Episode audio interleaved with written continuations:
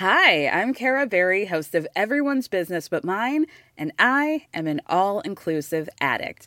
Enter Club Med, the best all inclusive for you and your family. With resorts worldwide, from their family flagship resort, Club Med Punta Cana, to their only mountain resort in Canada, Club Med Quebec, they have everything you need to relax. With their 20 plus sports activities, wellness programs, you can dine on delicious cuisine and make memories with your family. So book your next getaway with Club Med. Visit clubmed.us or call 1 800 Club Med or your travel advisor. Det här är podden Utan dig med mig Alexandra. Och mig, Emily. Det här är en podd som handlar om förluster och framförallt förlusten av våra barn. Vi kommer att prata osensurerat och öppet från våra hjärtan. Vilket kan göra att innehållet väcker mycket känslor. Alla sörjer olika och det finns inget rätt eller fel. Men risken finns därför att någon kan ta illa upp. Men vi hoppas att våra lyssnare inte ska ta illa upp på något sätt.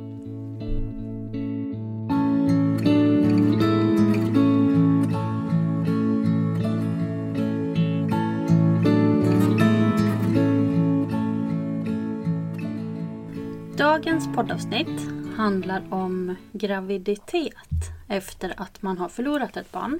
Och tanken var från början att vi skulle ha fler gravida mammor här med oss. Men som tyvärr inte kunde komma på grund av sjukdom. Så nu är det vi, Alexandra. Ja, det är du och jag. Två gravida mammor. Ja, lite egen tid för oss idag då. Precis. Vi skrev ju där på, på våra sociala kanaler att vi skulle gästas av två gravida mammor. Det var ju vi själva som är våra gäster. Och eh, varför det blev så att vi skrev så är ju för att jag är en liten fegis när det kommer till att prata om den här graviditeten. För du har ju inte gått ut med det så mycket.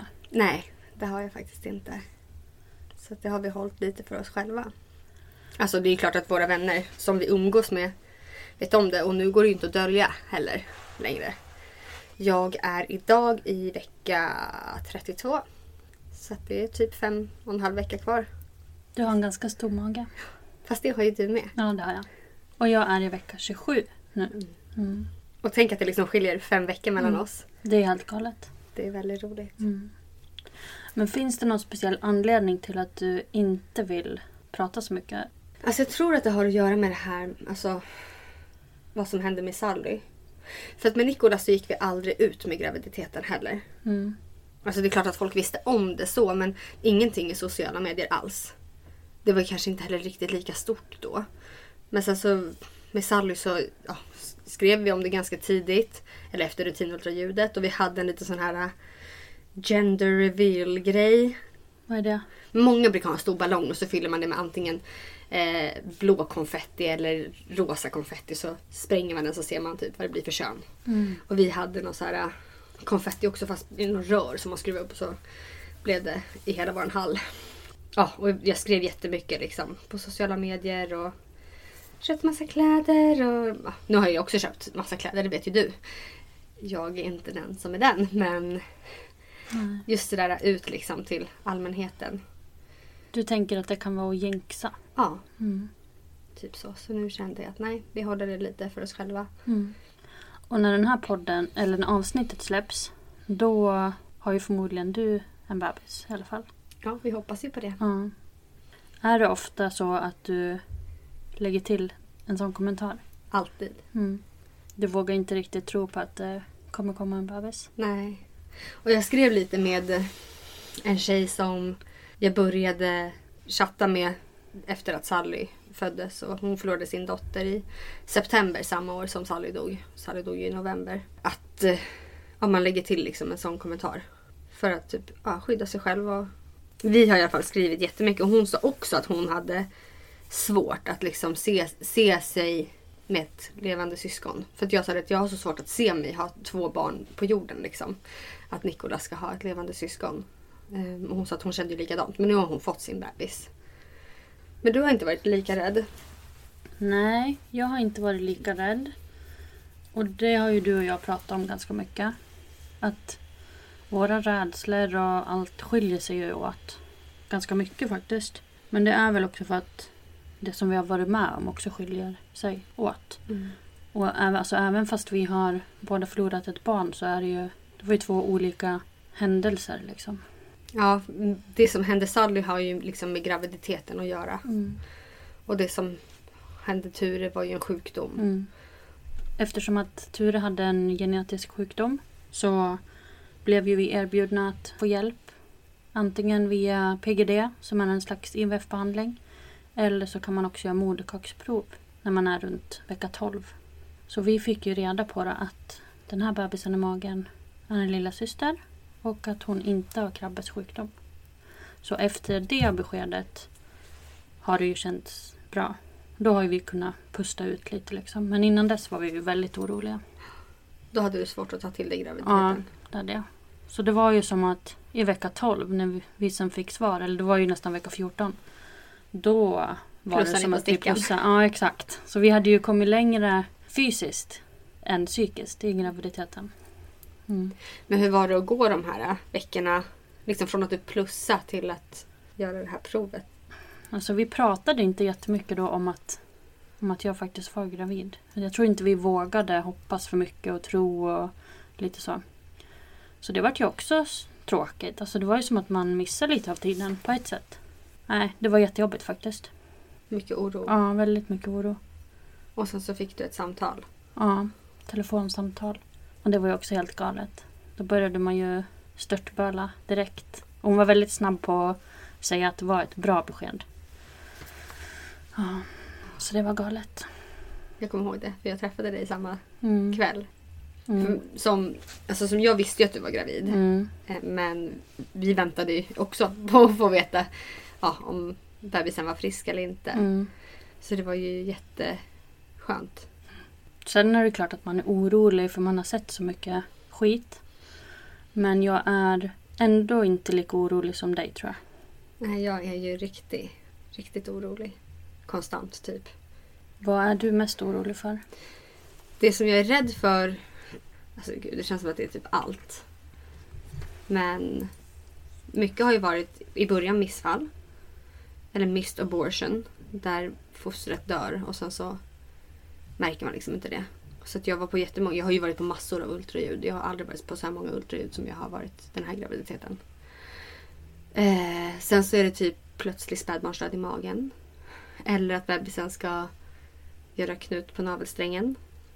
Eller att den ska ha något genetiskt. För det kan ju inte vi utesluta för vi har ju inte gjort några tester. Det är väl det liksom. Men jag blir ju lugnare när jag känner att bebisen rör sig. Och det blir tydligare ju längre man går i graviditeten i alla fall. Men jag har ju åkt in några gånger till förlossningen. Jag är ju så himla fegis. Alltså jag gillar inte att vara folk till besvär liksom. Och det har ju vi också. Du har ju peppat mig ganska mycket i det här med att men, åk in. Och det är många andra. Jag är ju med i någon sån här äh, grupp på Facebook för gravida änglamammor. Och jag har frågat lite hur de gör och de också sa men åk hellre in för att man vill aldrig ångra att man inte åkte in. Och dessutom så har jag går på specialistmödravården. Och det är samma läkare eh, som snittade mig med Sally som jag träffar. Och hon har sagt att hon har skrivit i min journal att de bara ska säga kom in. Och eh, det märkte jag ju nu jag var inne fredags. Då märkte jag liksom att hon läste min journal ganska tydligt, eller noggrant. Kunde då liksom se att det stod att jag skulle få komma in för det var inte liksom en så här eh, som vissa får att ah, men kom in klockan sju.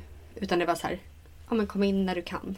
Inte att hon ville stressa mig på något sätt för jag hade känt av bebisen men det var mindre och nu måste man ju hålla koll på att samma rörelsemönster stämmer över dygnet och sådär. Eh, men hon sa att ja, men kom in när du vill och de tog emot mig på en gång och liksom, det var inga problem.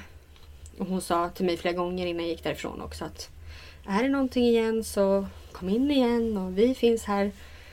Det är meningen att du ska komma hit och försöker liksom peppa en. Så du tycker att du får bra stöd av vården? Ja, i alla fall när det kommer till det. Mm. Liksom att de har skrivit i min journal och sådär. Men innan jag kom till vecka 22 plus 0, vecka 23 alltså. Då tillhör man ju inte förlossningen. Innan dess. Och då var det lite så här, ja, sitta på gynakuten för det gjorde jag också någon gång. Och där var man ju inte prioriterad på samma sätt.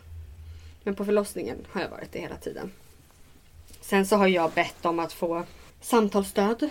Men det har ju gått lite si och så med den biten. Det tog ju ganska lång tid innan det var någon som hörde av sig. Jag skulle, jag, då skickade någon remiss till något som heter PPE-teamet. Och det gjorde de vid inskrivningen i vecka 7. Och så fick jag komma dit i vecka... Vad kan det ha varit? Vecka 25. Och träffa en psykoterapeut, alltså jag vet inte, något sånt. Som gjorde en utvärdering på mig och kom fram till att ja, jag mår ju inte så himla dåligt psykiskt. Men jag ska få träffa en sjuksköterska där och gå på någon eh, meditation av något slag. Typ, för att det kan hjälpa min oro. Men de har inte hört av sig igen. Och nu känner jag att nu orkar inte jag be om det eller tjata mer om det. Nu är jag vecka 32 och jag kommer bli snittad om fem veckor på torsdag. Så att det känns så här. Har jag klarat mig i typ 25 veckor utan den här hjälpen så kan jag klara mig fem veckor till. Men nu nämnde ju du att du kommer bli snittad. Vill du berätta mer om det? Ja, alltså med tanke på det som hände Sally, att min livmoder sprack, så får ju inte jag eh, föda vaginalt.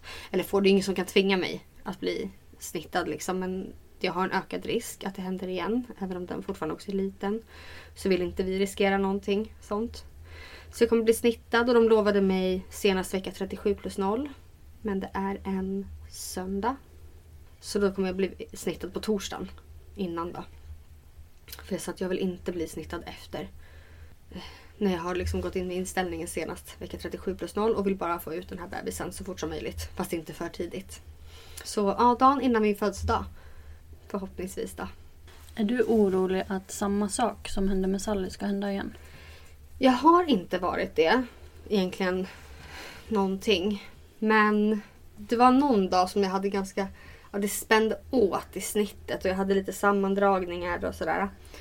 Och då blev jag lite sådär nojig över att det skulle hända igen. Men eftersom de har sagt att jag måste vara uppmärksam på regelbundna sammandragningar och om de gör ont och sådär, att jag ska åka in, så känner jag mig ganska trygg just när det kommer till det.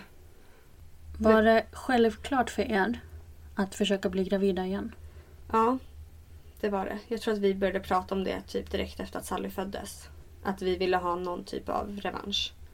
Eller vad man nu kan kalla det liksom. Framförallt ja, Sam. Han tog nog upp det först. Men jag har ju alltid velat ha många barn. Och det är det som också känns lite så jobbigt nu.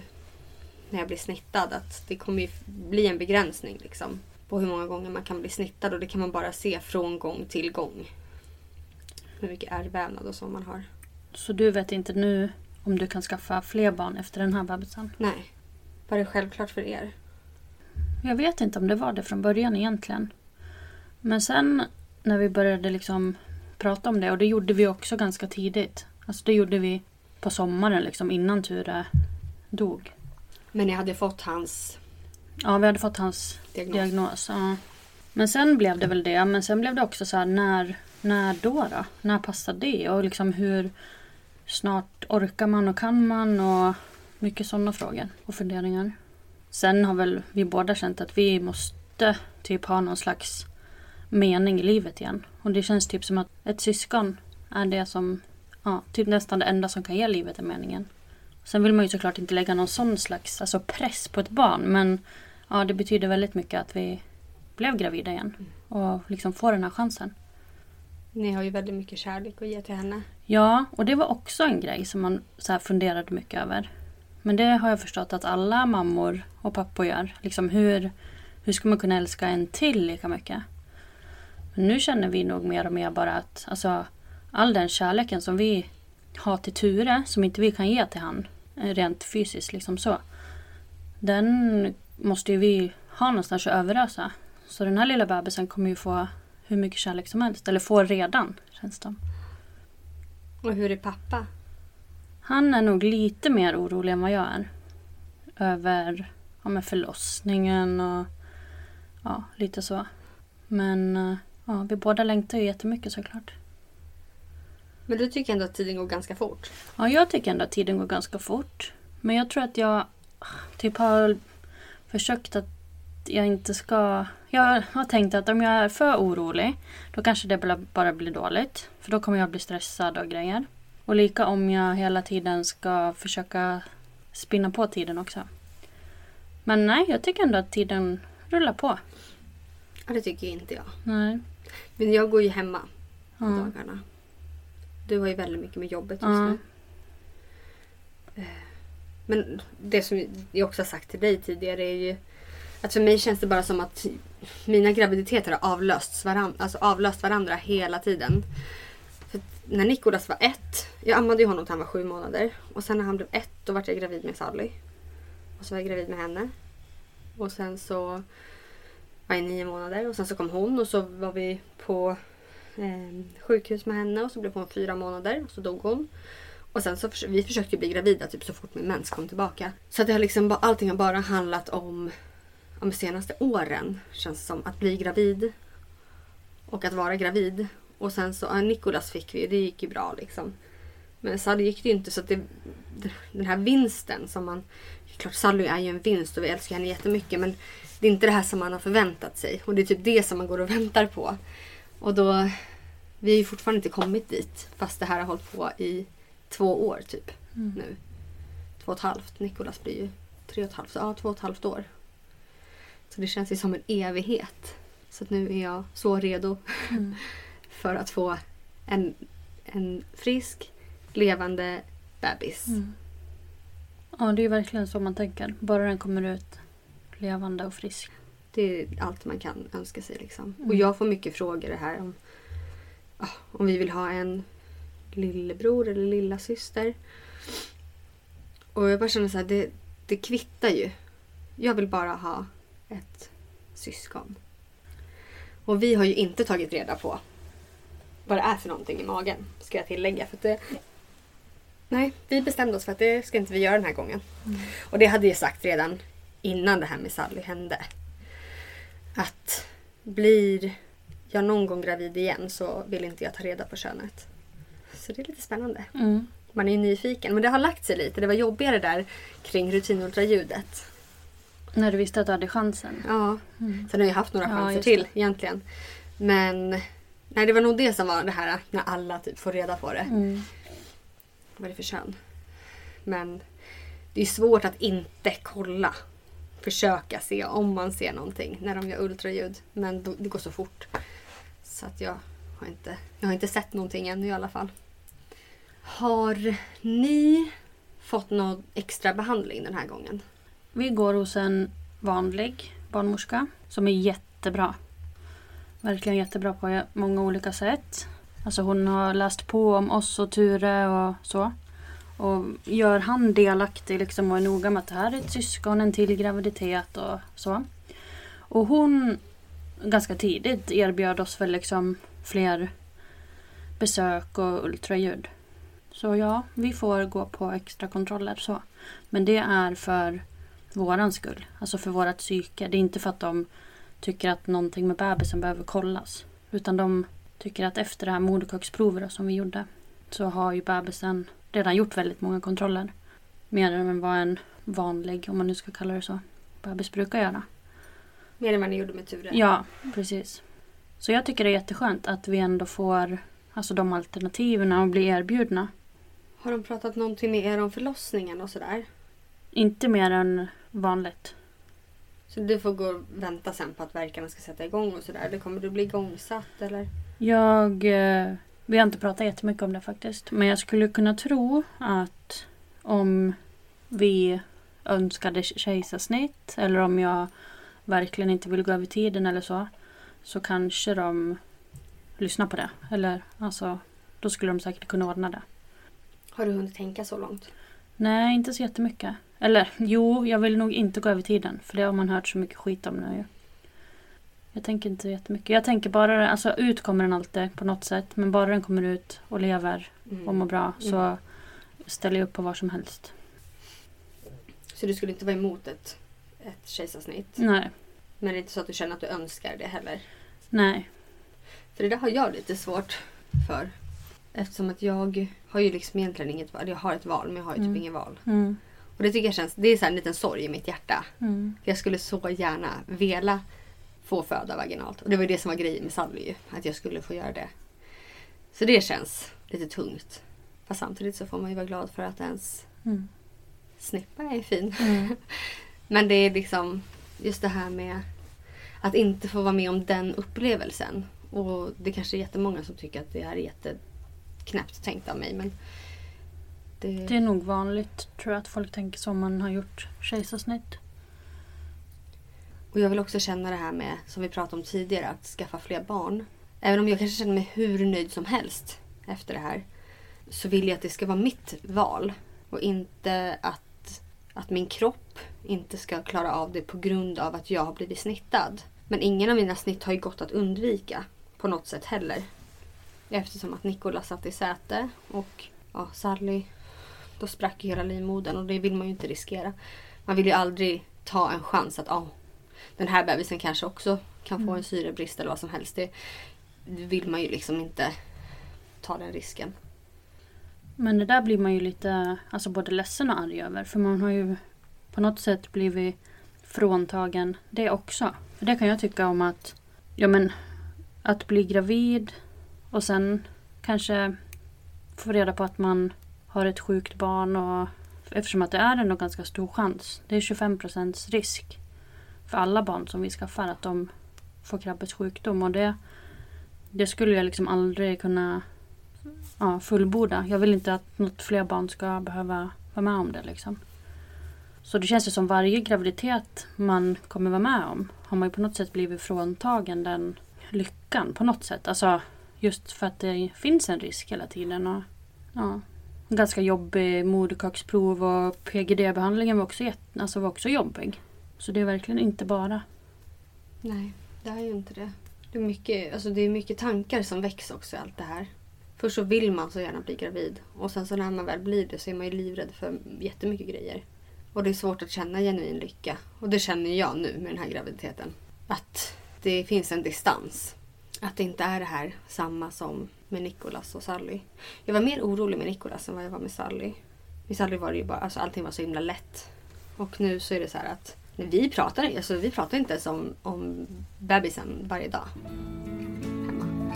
Fortfarande inte.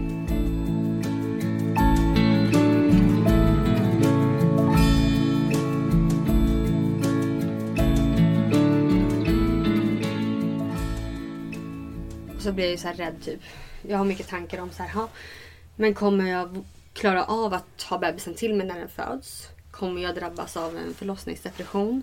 Det finns himla mycket sånt också efteråt. Mm. Kommer alla känslor om hur det skulle ha varit med Sally, kommer de komma upp och bara göra att jag är helt knäckt? Man får nog vara beredd på det. Att det kommer vara väldigt, väldigt mycket känslor. Man är ju redan så hormonell som gravid. Oftast får man den här baby blues eller vad det heter på dag tre, fyra. Och det känns som att det kommer bli så himla mycket större. Men då hade man ju velat att någon hörde av sig. Alltså något slags samtalsstöd eller något sånt där. Alltså bara för att kolla så att man... För det vet jag inte om man orkar då höra av sig själv. Nej. Och jag tror att där får man nog vara ganska noga med att säga till sin omgivning. Att kan du hjälpa mig hålla koll på mig? För jag tror att framförallt om man drabbas av en förlossningsdepression att man själv inte vet det. Så att jag tror att omgivningen måste vara lite mer uppmärksam. Och det har jag sagt redan till både Sam och till min mamma. Att, att jag är rädd för det här. Mm. Bara så att, liksom, så att de vet, så att de kan hjälpa mig att hålla koll. Liksom. Och sen så måste man väl själv försöka tänka, som jag försöker förbereda mig mentalt nu, att jag ska vara lite uppmärksam på sådana signaler. Om jag skulle få lite konstiga tankar eller att jag vågar berätta det. Mm. Det låter ju väl jättebra. Har ni fått mycket kommentarer nu om att det är en ny eller en till bebis och liknande? Vi har faktiskt inte fått så mycket sånt. Men det är nog också för att vi inte har varit så... Sen är det ju vissa som har sagt Åh Nikolas, ska du få bli storebror? Man bara, fast alltså han är ju redan det. Och sånt, det blir ju lite provocerande.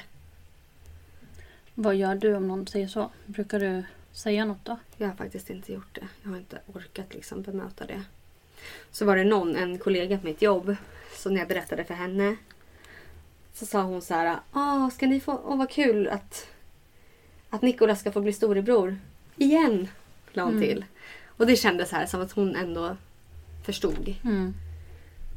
För det är så viktigt liksom. Det är Nicholas och Sally som blir stora syskon. Sally blir ju faktiskt stora syster. Och jag vill inte att hon glöms bort i det här. Nej, verkligen inte. Hur har du blivit bemött? Ja, jag har faktiskt fått någon konstig kommentar om att lite sådär, vad skönt. Nu är tragedin över och ni kan leva vidare och bli lyckliga igen och lite så. Och så är det ju verkligen inte. Vi kommer ju aldrig alltså, gå vidare från Ture på något sätt. Alltså, han går ju med oss. Vi går ju tillsammans och nu blir det med en till, ett till barn i familjen. Och det här är ju liksom ingen ersättare utan det här är en egen liten person. Det som jag tyckt var det jobbigast nu, alltså, det är nog senaste typ kanske månaden. Men det kanske börjar bli när man får större och större mage och folk ser ju faktiskt att man är gravid nu. Då är det ju en helt vanlig fråga att folk frågar Ja, är det ert första barn? Om det är någon man inte känner. Och det har jag tyckt varit jättejobbigt. För då säger jag nej, det är andra. Och då blir ofta följdfrågan Ja, hur gammal är det andra barnet? Eller ja, sådana frågor. Och det har jag tyckt varit väldigt jobbigt. För då funderar jag så jäkla mycket på hur de ska ta allting. Och det är jag så trött på att jag gör. Att du ska behöva förklara liksom. Ja, alltså jag tycker inte att det är jobbigt att säga att ja, tyvärr så blev vårt första barn bara ett och ett halvt år och sådana svar. Men det slutar ju liksom inte där. Man, det är ju inget man bara säger så och går åt olika håll. Utan folk blir ju ledsen och beklagar och ska prata och då blir det nästan som att man själv får trösta dem lite och förklara och ja, jag vet inte. Och så vill man lägga fram det på ett lite mer det är okej Ja, sätt. fast det inte är det heller. Mm. Mm, Som att man ska behöva förminska sin Mm. historia. Precis. Ja, jag förstår. Det är jobbigt. Ja, det tycker jag faktiskt är jättejobbigt. Och det kommer ju vara så hela livet. Ibland tänker, känner jag att jag skulle vilja ha fler sådana frågor. Det är aldrig någon som frågar. Mm. Vad är det första barnet? För jag skulle så gärna vilja säga nej det är tredje. Mm. Det skulle jag vilja säga. Mm. Vad skulle du säga då, då om de sen frågar hur gamla är dina andra två barn? Då skulle jag nog säga att jag har Nikolas som snart är tre och ett halvt. Och sen eh, min dotter Sally som skulle ha varit ett och ett halvt Mm. nu. Men eh, som bara blev fyra månader. Mm. Sen så jag har ju typ aldrig fått några följdfrågor. Alla har bara sagt oj, ja förlåt. Mm. Så jag vet inte hur jag skulle bemöta det. Faktiskt. Det vet jag inte. Nej.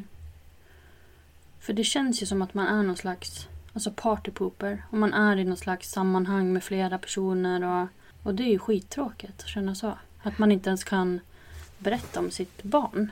Det vill man ju göra. Ja, är det någon som har tips så kan de gärna skicka det till oss. Verkligen. Det tar jag jättegärna emot. Vi har ju fått, inte jättemycket frågor, men lite frågor. Mm. Och mycket frågor handlade väl just om vården. Alltså om man blir gravid igen, om man får det stöd man behöver och om man blir tagen på allvar. Och det tycker jag, för, alltså för det allra mesta. Och det är ju olika från mödravårdscentral till mödravårdscentral och det är olika från sjukhus till sjukhus. Jag valde först att inte gå tillbaka till samma MVC som jag hade gått till med Nicolas och Sally. Och det var jag hade bestämt mig. Jag var så himla bitter. Precis ja, in, alltså efter att Sally föddes. För att någonstans så hade man missat att hon låg med rumpan neråt. Fast man hade sagt att huvudet låg neråt. Och jag frågade läkaren som, som tog ut Sally att kan hon ha vänt sig när alltså, mitt snitt sprack? Och då sa hon så här, nej. Och det var det som gjorde så här, ha, var det på MVC man missade? Eller var det på, på förlossningen där i Solna där jag var? Alltså vart var det någonstans? Och då bestämde jag mig för att skulle jag bli gravid igen, nej då går jag till en annan. Så då tog jag vanliga, den kommunala i Huddinge. Så jag gick dit på inskrivning och så. Och kände att nej. Jag blev liksom inte bra. Eh, nej, jag trivdes inte där. Jag blev inte alls bra bemött. Hon var typ såhär, jaha vad tråkigt då. Typ att jag hade förlorat ett barn. Och tog inte min oro på allvar och var så här, ja men vi ses om två månader igen då. Och visst, jag kan förstå att man inte ses jätteofta i början. Det gör man ju inte för att vad som helst kan hända. Men jag hade velat ha lite tätare besök. Så då bestämde jag mig för att nej, jag hör av mig till min vanliga MVC. som, eller min vanliga, men som jag har gått hos tidigare. Och hon hade fullt. Så hon kunde inte ta emot mig. Men jag lämnade ett meddelande på hennes, för det var de i receptionen, eller ja, som sa att det var fullt, fullbokat liksom hos henne. Men jag lämnade ett meddelande hos henne ändå och berättade att jag var gravid igen och jättegärna skulle vilja komma till henne. Och hon ringde upp mig dagen efter och sa att jag gör plats åt dig. Så jag fick komma till henne typ veckan efter. Och efter det så har jag haft besök hos henne varannan vecka. Och det är jätteskönt. Mm. Att hon, nu känner ju hon mig. Och att hon tog min oro på allvar och förstod liksom att jag kan behöva ha det här extra stödet. Och hon har aldrig ifrågasatt något som jag har bett om. Så där har jag fått jättebra alltså, mottagande. Och sen så går jag ju på specialistmödravården.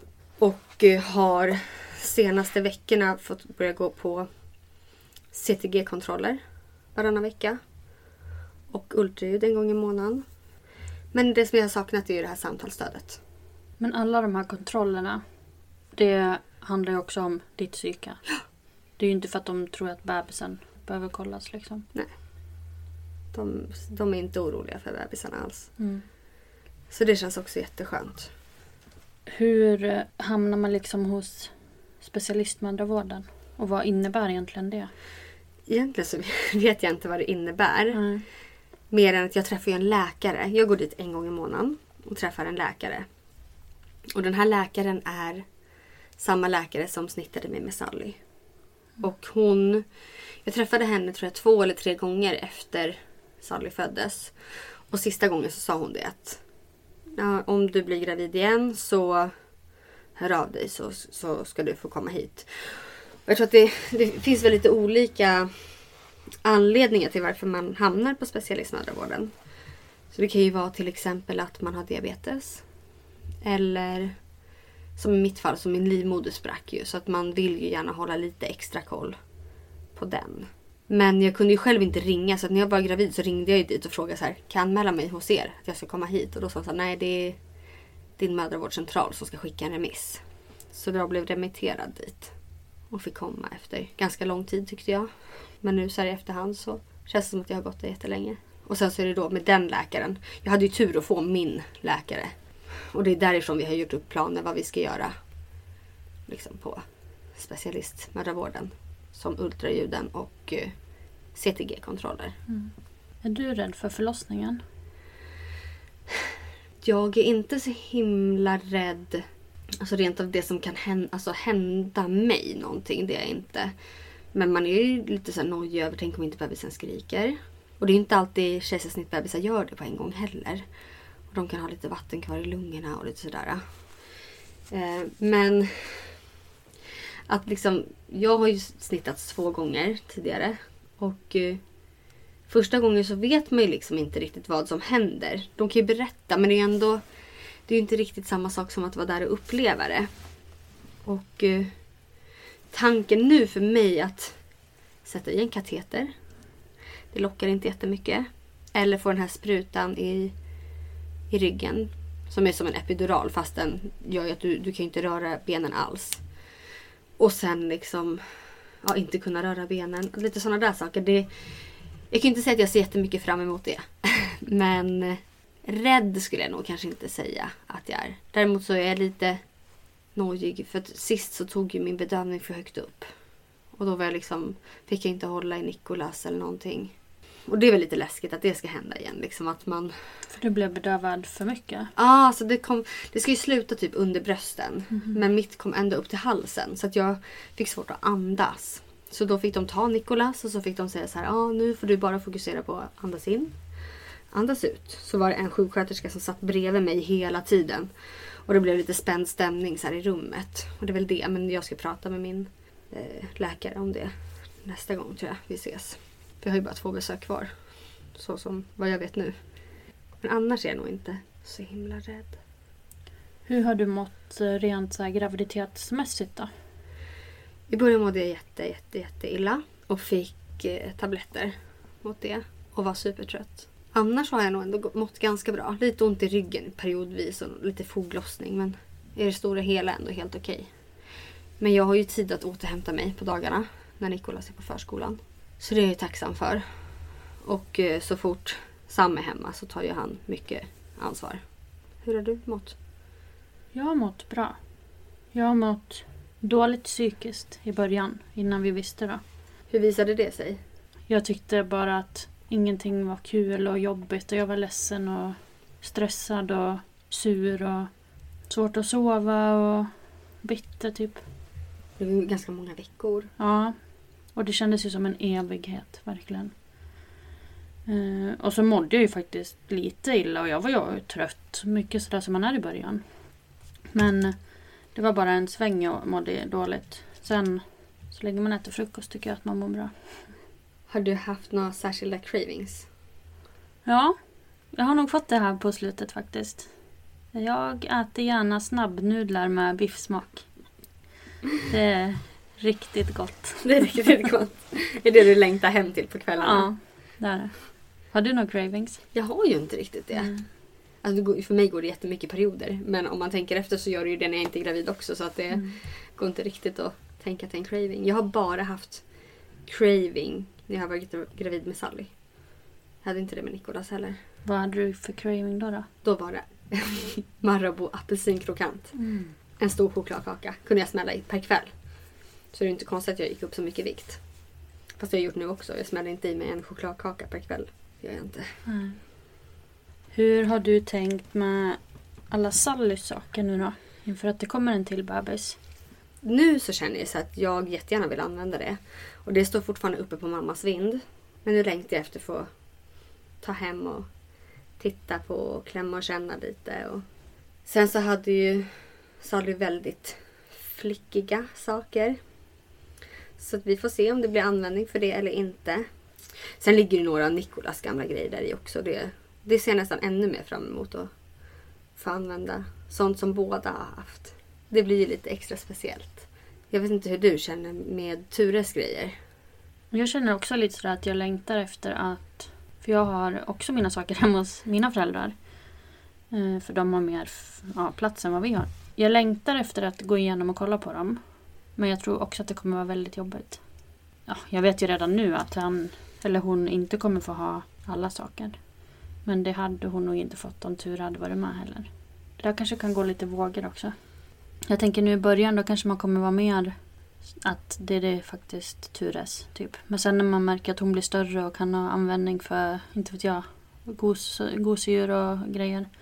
Då kanske det blir naturligt att det är klart att de ska lekas med liksom. Vi, alltså, vi har lite olika utgångspunkter. Jag har ju en storebror hemma. Och jag tänker liksom så här att vissa, alltså han skulle jättegärna få leka med Sallys grejer om han ville. Nu är han inte så intresserad. Men så därför tänker jag att det blir samma för småsyskonet också. Så det är som du säger, det kanske ändras sen. Om hon skulle säga så här, men mamma jag vill jättegärna leka med den. Mm. Så tror, jag tror inte att du skulle säga nej. Nej. Nej, jag tror inte heller det. Men jag vet liksom att ja, men hans snuttefiltar är nog hans. Eller jag vet inte. Ja men det kanske är lite. Mm. Och sen, ja men som såna här saker som vi har gjort. Alltså minnessaker. Prydnadsgrejerna med gips och liknande. De kanske man kommer vara lite extra rädd om och ha en hylla högre upp liksom för att det inte ska rivas ner och lite så. Mm. Men det är väl klart att de ska använda samma saker. Men ja, det är ju konstigt. Mm, men det är verkligen det. Sen så hade jag en liten ziplockpåse. ziplock-påse. Som när jag rensade Nikolas kläder inför att Sally skulle komma. Så la jag faktiskt ner vissa saker i den som var Nikolas. Som hon inte, typ hans första snuttefilt. Eller sån här dinglis eller vad de heter. Och sen en eller två outfits. Men nu tänker jag så här, gud, om, om det här blir en lillebror. Då vill jag nästan ta fram de kläderna som är Nikolas. Vet Mm. inte. Jag tänker att det löser mig lite där på vägen också. Det kommer nog naturligt. Mm. Men jag tänkte på det som du nämnde om de här gipsgrejerna som ni har gjort. Mm. Hur tänker du med, vill du göra sånt med lilla syster också? Ja, det vill jag. Och jag vill ju liksom inte att... Alltså, jag vill göra allt vad jag kan att Ture ska vara delaktig i vår familj som han är.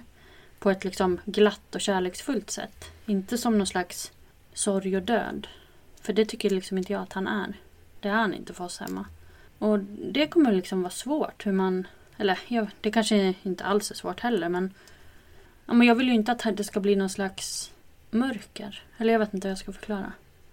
Att det inte ska ligga där som en liten dimma hemma Ja. liksom. Med sorg. Ja. Men ja, jag har redan tänkt på det. Att jag borde köpa lika ramar så inte de tar slut. Så det kan matcha med hennes avtryck och ja. Hur tänker du med sånt då? Ja, jag skulle också vilja göra. Men så tänker jag att jag har typ glömt bort hur man gjorde. Men nu kommer jag på om du också vill göra det kan vi ta en dejt på Lilla E. Mm. Det kan man göra.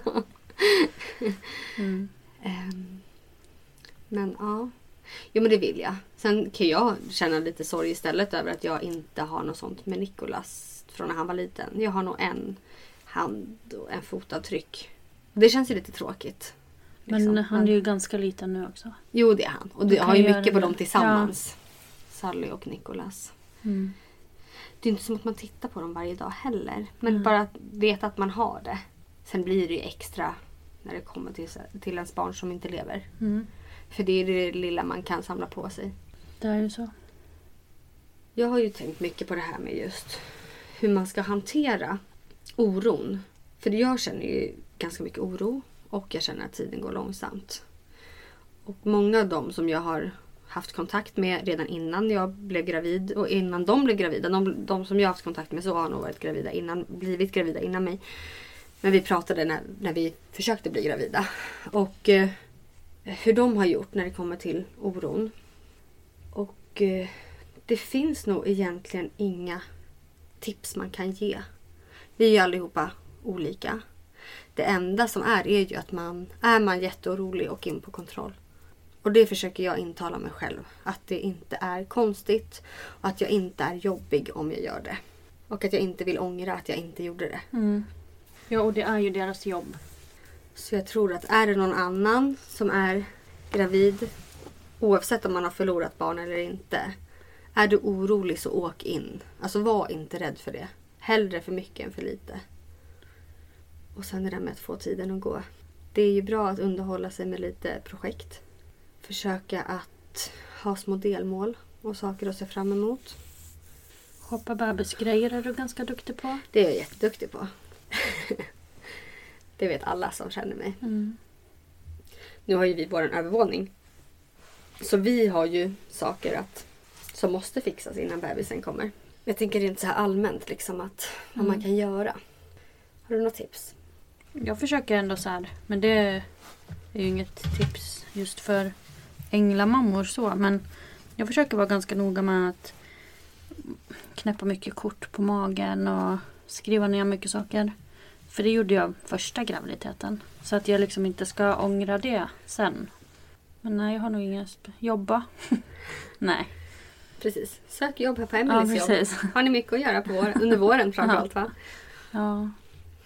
Jag hade fått någon, någon som hade skrivit där. Vi bad ju om lite, lite mm, tips och råd. Då var det en mamma som sa så här att eh, man bara helt enkelt ja, får ta en dag i taget. Och eh, oron kommer inte försvinna. Utan man får lära sig att leva med den. Och Det är väl så alla säger egentligen. Och när man tittar det är kanske det man får tröstas med. Att när man tittar bakåt så har tiden gått ganska fort. Men när man tittar framåt så känns det som en evighet kvar. Inte för alla, men för mig Mm. gör det det. Och för ja, andra som jag har varit i kontakt med. Men just det där med att sätta upp delmål. Lite nedräkning. Jag är nog mer orolig för att Ture ska bli mer bortglömd liksom, när det kommer ett till barn. Och det vet jag inte riktigt hur man ska göra med sånt. Men man får väl vara öppen med, med det.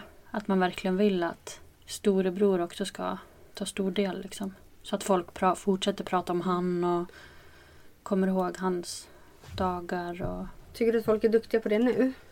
väldigt olika bland folk.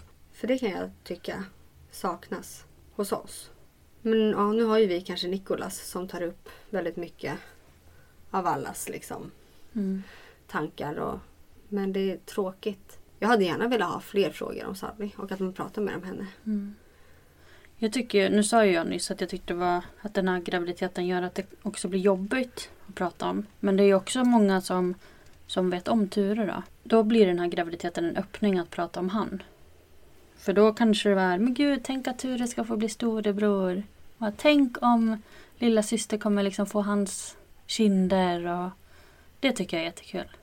Det förstår Jag jag. hoppas att de blir lite lika. Ja. Har du försökt tänka lite hur du tror att hon kommer se ut? Ja, men det vet jag inte. Nej, det är jättesvårt. Ja. Det går ju inte. Vi trodde att Ture skulle bli brunhårig och brunögd typ. Han var ju jätteblond och blåögd. Så kanske att lilla syster blir brunögd och blond då. Hans hår kanske. Ja, vi får se. Jag skulle bli chockad om den här bebisen var korthårig. Eftersom våra har varit Mm. långhåriga innan. Jag har en känsla av att den här bebisen kommer vara mer lik Nikolas. Salla var ju mycket ljusare. Hon hade ju nästan ljusbrunt hår Mm. i slutet. När man kunde börja se liksom lite mer vad för färg hon skulle få. Nikolas var ju kolsvart. Mm. Det var inte hon. Och sen hade hon ljusare ögon. Nikolas har ju typ nästan svarta ögon. Mm. Men jag tror att den här bebisen kommer vara lite mörkare. Mm. Vi får se. Mm. Nu har ju vi pratat ganska länge. Och det här är ju utifrån våra upplevelser. Och tankar och känslor. Eh, Men vi skulle ju självklart kunna ha något liknande avsnitt framöver igen. Kanske efter, alltså ja det blir garanterat efter att bebisarna har kommit men som kanske handlar lite mer om graviditet och tiden efter. Och vi kan ju ha det både tillsammans med andra mammor om någon vill vara med. Men också svara på frågor om folk har frågor att ställa till oss. Vi tar gärna emot fler frågor. Ja. Eller också diskussionstips och liknande. Ja. Mm. Jag hoppas att eh, våra lyssnare blev nöjda över Mm. det här lilla specialavsnittet som vi fick spela in idag. Mm. Och jag är väldigt glad Alexandra att vi får vara gravida tillsammans, eller samtidigt. Ja, det är jag med. Och att vi får vara mammalediga sen ihop. Ja. Rulla barnvagnar. Det blir mysigt. Verkligen. Ja, tack så mycket för idag. Ja, men tack själv.